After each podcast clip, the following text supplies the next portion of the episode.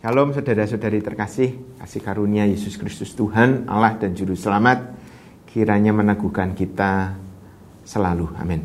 Saudara, uh, kalau kita berjemaat di dalam gereja, kita pasti akrab dengan istilah pelayanan. Nah, um, secara sederhana ini bisa dibagi menjadi tiga bagian pelayanan ini. Ada yang namanya diakonia, yaitu pelayanan dalam lingkup sosial, entah itu di gereja atau di masyarakat. Nah, ini biasa dilakukan dengan melayani orang-orang, jadi berkat bagi orang-orang sekitar, yaitu semua orang yang layak untuk ditolong.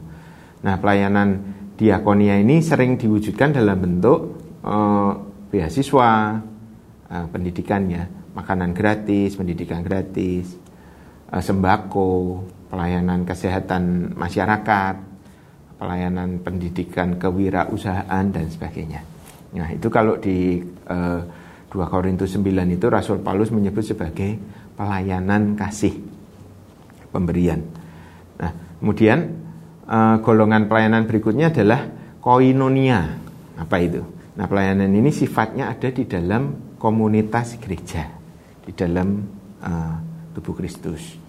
Misalnya ada ibadah raya, baik itu e, kaum senior, muda, kanak-kanak, menyanyi, main musik, asyir, menari, multimedia, pelayanan fasilitas gereja dan banyak lagi. Kemudian ada lagi namanya marturia, diambil dari kata dasar martiria, martir, artinya bersaksi, yaitu pelayanan firman. Eh, memberitakan Injil, memuridkan, mengembalakan dalam firman, mengajar sekolah minggu itu termasuk dalam uh, pelayanan marturia. Nah, Saudara, semua pelayanan gereja, entah itu pelayanan sosial, pengembalaan maupun pelayanan firman, semuanya memang alangkah baiknya kalau direncanakan dengan baik, ditata Makanya ada istilah kepenata layanan, pelayanan yang ditata. Karena Roh Kudus memang mengajarkan demikian. Itu di 2 Timotius 1 ayat 7. Bahwa Roh Kudus itu mengaruniakan sopronismos, ketertiban. Nah, maka kita tahu bahwa segala pelayanan gerejawi harus memiliki perencanaan strategis. Agar kasih karunia roh ketertiban itu dapat berkarya di dalam gereja, di dalam kepenata layanan.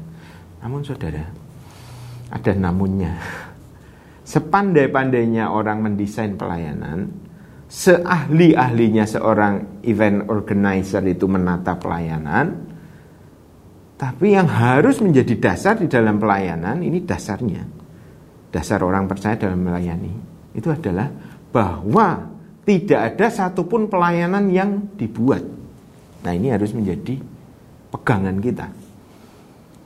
Melainkan sebuah pelayanan harus dilahirkan dari Roh Kudus. Pergumulan Roh Kudus dengan gereja. Inilah yang membedakan sebuah event dari pelayanan sejati. Yang merupakan karya Roh Kudus dalam hidup seseorang.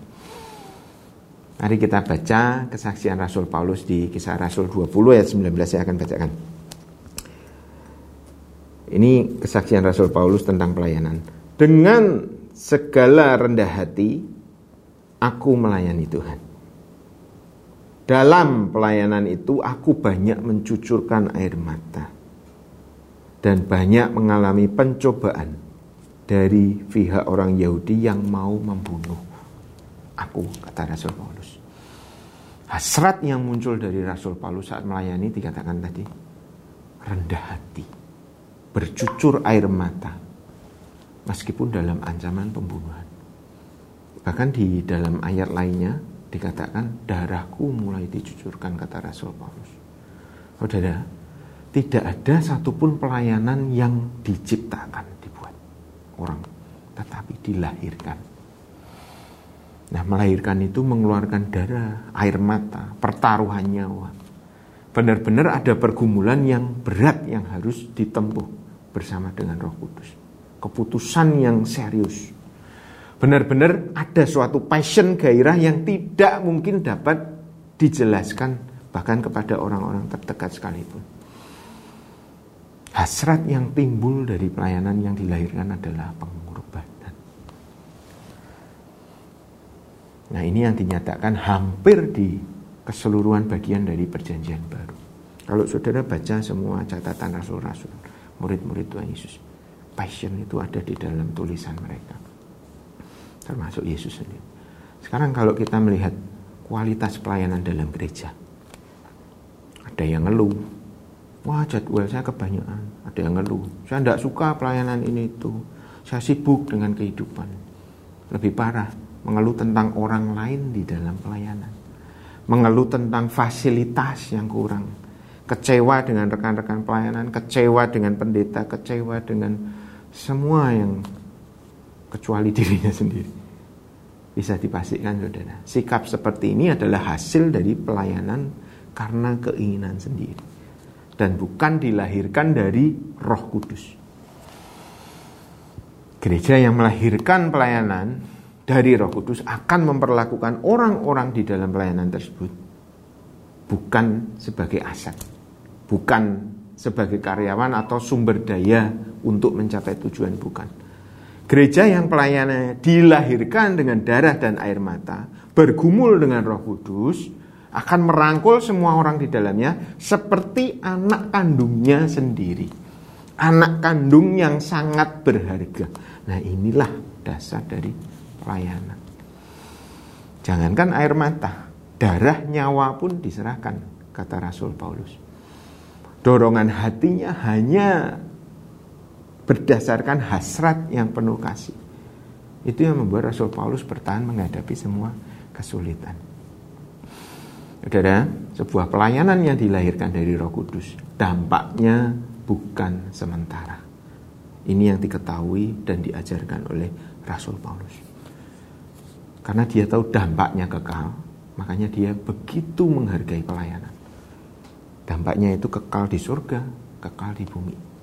Di bumi ini kekal dari generasi ke generasi, melintasi segala zaman. Warisan kekekalan pelayanan itu akan terus ada. Kalau ini lahir dari gereja, dari Roh Kudus.